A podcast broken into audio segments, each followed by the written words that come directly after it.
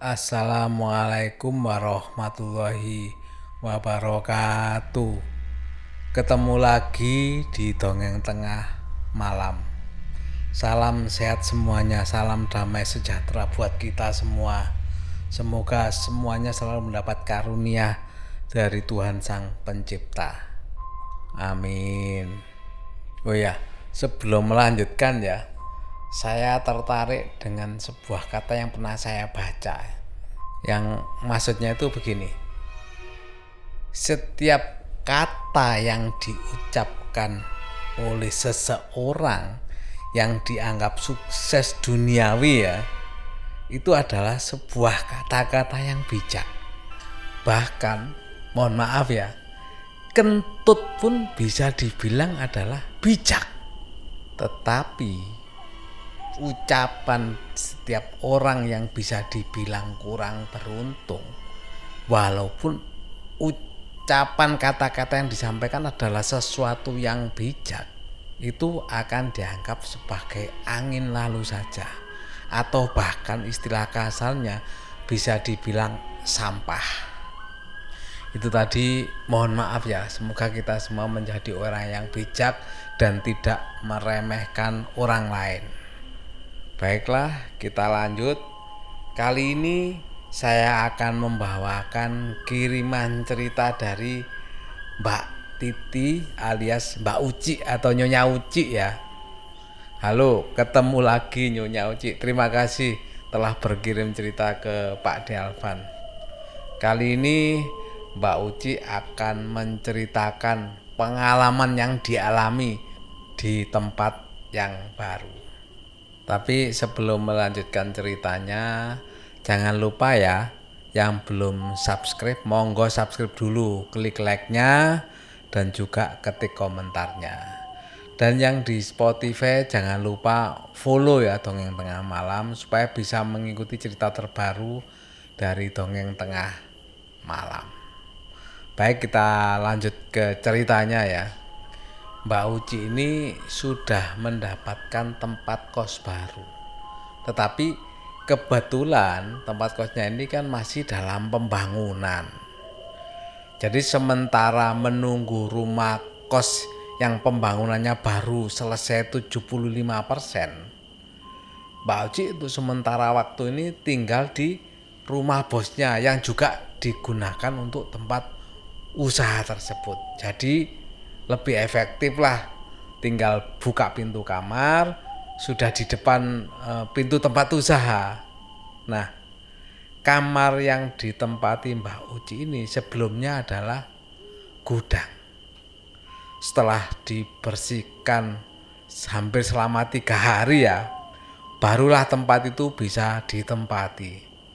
Sebagai gambaran ya yang mau ditempati Mbak Uci ini luasnya sekitar 4 kali 6 lah tempat tidurnya itu menghadap ke arah pintu kamar. Dan di atas kepala tempat tidurnya itu ada jendela yang menyatu dengan dapur pemilik warung sebelah apotik. Jadi kalau gordennya itu dibuka Mbak Uci ini bisa melihat kegiatan ibu pemilik warung itu di dapur dan di bawah jendelanya itu adalah kulkasnya ibu warung itu. Awal-awalnya tinggal di situ keadaan sih aman-aman saja. Karena memang banyak sebenarnya yang tinggal di rumah itu yaitu ibu Sisil ya yang bosnya yang dulu itu. Terus Mbak M kakak Ina dan Mbak Uci sendiri kejadiannya itu dimulai ketika ibu Sisil ya dan Mbak Mbak ini kan anaknya ya itu berangkat ke Jawa. Otomatis tinggallah kakak Ina dan Mbak Uci di rumah itu. Sedangkan kakak Ina ini kan tidurnya ada di lantai dua belakang rumah. Jadi kalau yang di rumah depan itu tinggallah Mbak Uci sendiri di depan kamarnya Mbak Uci itu adalah lorong yang menyambung ke ruang kerja atau ruang apotiknya eh, yang dijaga Mbak Uci ini.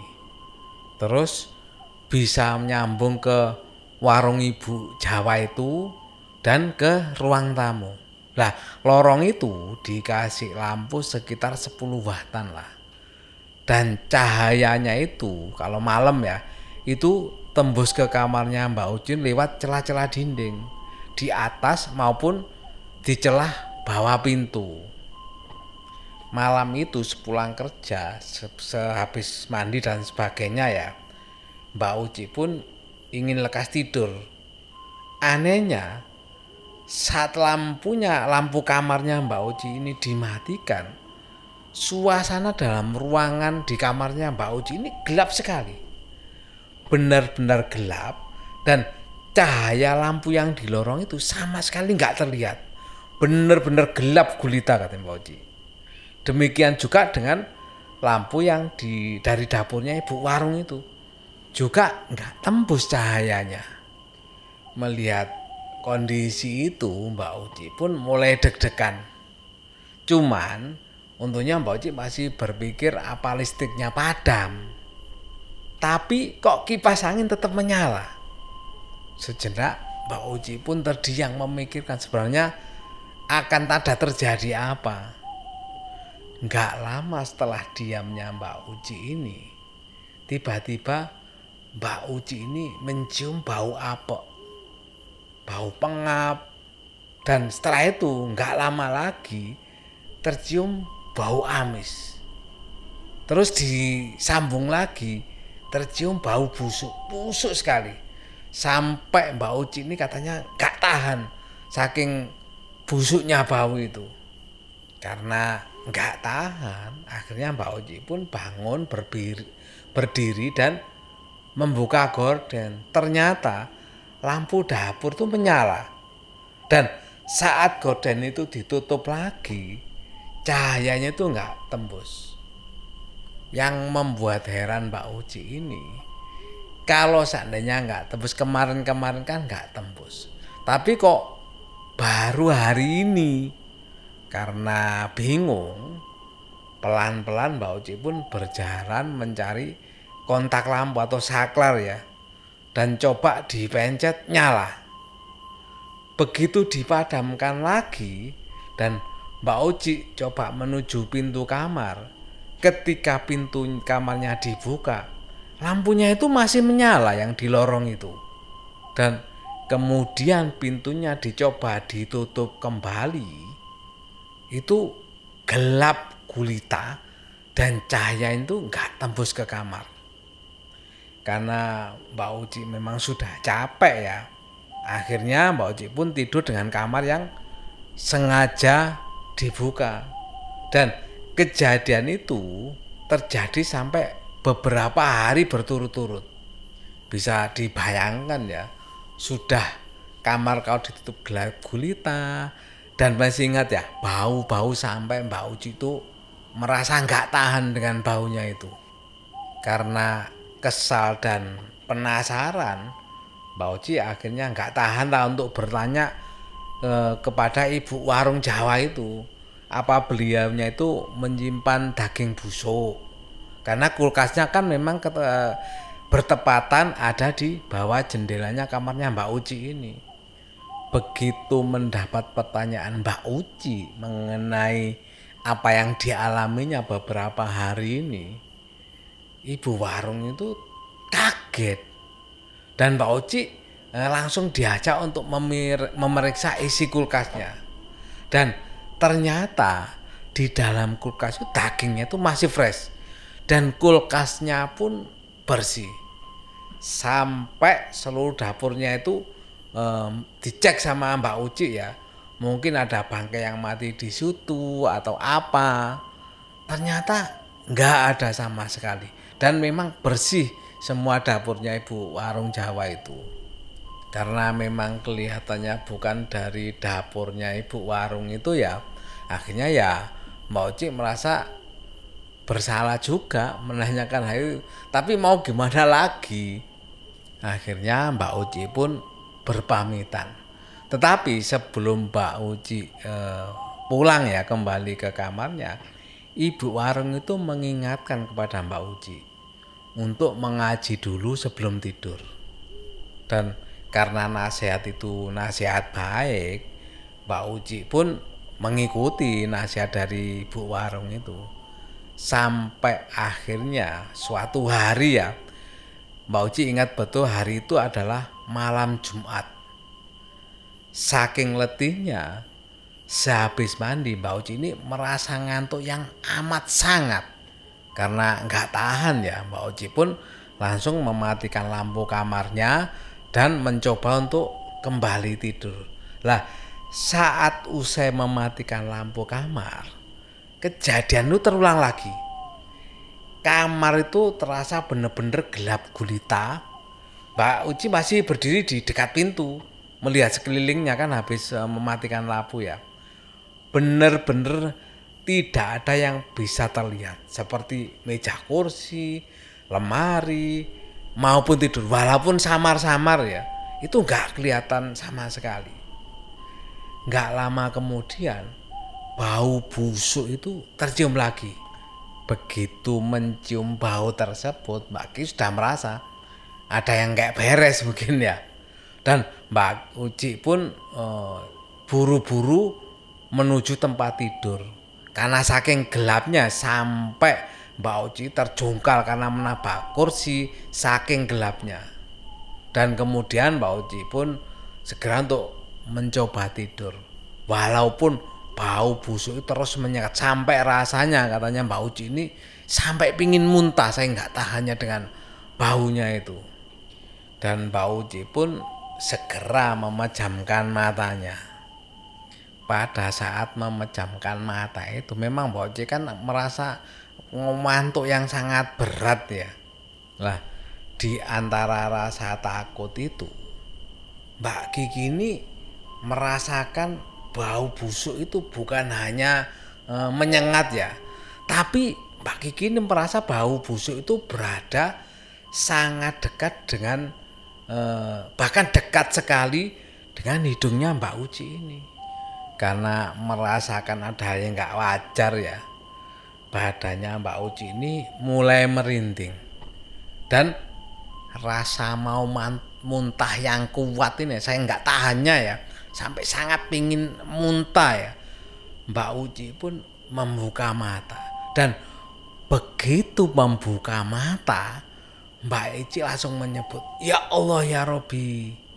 Jadi di depan mukanya Mbak Uci itu dengan jarak mungkin ya katanya Mbak Uci. Kira-kira jaraknya cuma 5 cm ya dari wajahnya Mbak Uci.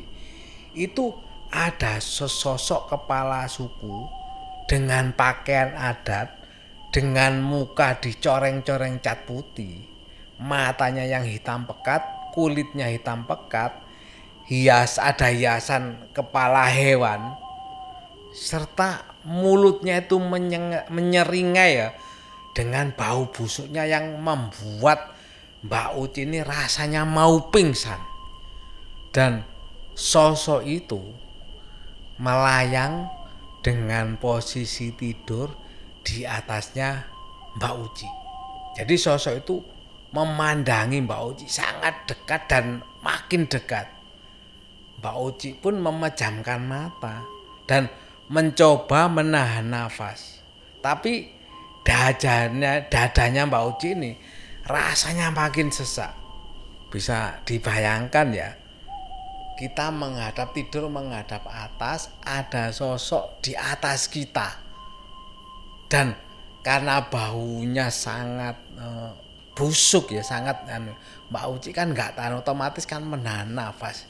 Ya pastilah dadanya semakin sesak karena menahan nafas dan juga membayangkan membayangkan sosok itu ada di atasnya semakin lama dengan bertahannya Mbak Uci ya itu badannya itu mulai kaku dan kepalanya itu semakin sakit. Bahkan katanya Mbak Uci tenggorokannya itu rasanya seperti dicekik Mbak Uci pun sama sekali nggak bisa bergerak. Karena bau nafas itu bukan cuma deket tapi sudah menempel di hidung dan mukanya Mbak Uci ini. Sampai-sampai mukanya itu rasanya panas. keringat dingin itu sudah bikin seluruh badannya itu basah karena saking takutnya ya. Sampai-sampai Mbak Oci pun nggak tahu apakah waktu itu eh, Mbak Oci tertidur atau pingsan. Karena pagi-pagi lewat waktu subuh Mbak Oci ini sama-sama mendengar ketukan dan panggilan warung itu dari arah jendela saking lamanya Mbak di Jawa panggilan ibu warung itu ya beliaunya sampai teriak-teriak Cik awakmu ikut turu apa mati? Tumben angel gugane wis subuh ndang sembayang. Mbak Uci pun membuka mata dan alhamdulillah katanya Mbak Uci, Mbak Uci masih hidup. Tetapi yang aneh adalah daster yang dipakai Mbak Uci ini baunya itu seperti bau daging yang sangat busuk, busuk sekali. Sampai Mbak Uci ini pingin muntah-muntah karena tidak tahan dengan baunya tersebut. Karena ART-nya Ibu Sisil ini eh, orang penduduk asli dan tahu karena mungkin ada bau busuk yang ada di dasarnya Mbak Uci ini maka disarankan sama beliaunya ini untuk membakar daster yang dipakai Mbak Uci itu. Untuk menghindari hal-hal yang lebih buruk lagi. Dan memang benar kepala suku itu sering muncul di kamarnya Mbak yang Mbak Uci tempati ya. Tapi nggak mengganggu. Cuma berdiri di pojok di balik pintu kamar. Dan setiap kali uh, dia muncul Mbak Kiki selalu bilang, tolong jangan ganggu saya. Saya datang sini karena dengan niat baik. Kalau kau mau tinggal, silakan. Saya tidak akan mengganggumu. Ya, itulah yang bisa diucapkan Mbak Titi ya. Dan itu adalah kejadian yang dialami Mbak Titi awal-awal tinggal di rumah tersebut. Dan katanya Mbak Uci ini sebenarnya masih banyak kejadian di rumah itu baik Mbak Uci sendiri maupun bersama teman-temannya. Dan katanya Mbak Uci ini nanti dan nanti akan diceritakan kisah selanjutnya.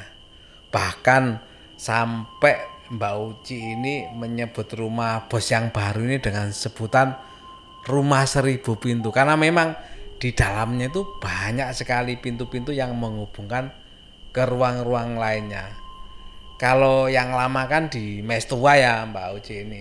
Kalau yang ini rumah seribu pintu. Itu tadi pengalaman dari Mbak Uci di tempat tinggal yang baru ya setelah mes tua ya. Barangkali yang belum mendengar ceritanya mengenai kisah Mbak Uci ini ada judulnya mes tua. Itu awal-awal Mbak Uci tinggal di daerah Irian sana Merauke kalau nggak salah ya Mbak Uci ya. Sekali lagi terima kasih Mbak Uci atas kiriman ceritanya. Ditunggu cerita selanjutnya. Dan bagi sedulur yang mau mengirimkan cerita ke Dongeng Tengah Malam bisa kirim via email ya. Emailnya dongengtengahmalam at gmail.com serta untuk semua sedulur tengah, dongeng tengah malam terima kasih telah mendengarkan cerita dari Pak D juga like-nya, komentarnya, semuanya. Terima kasih. Saya ingatkan lagi yang belum subscribe jangan lupa monggo subscribe dulu. Klik like-nya dan tulis komentarnya yang di Spotify jangan lupa follow. Baiklah, terima kasih buat semuanya dan saya akhiri wassalamualaikum warahmatullahi wabarakatuh.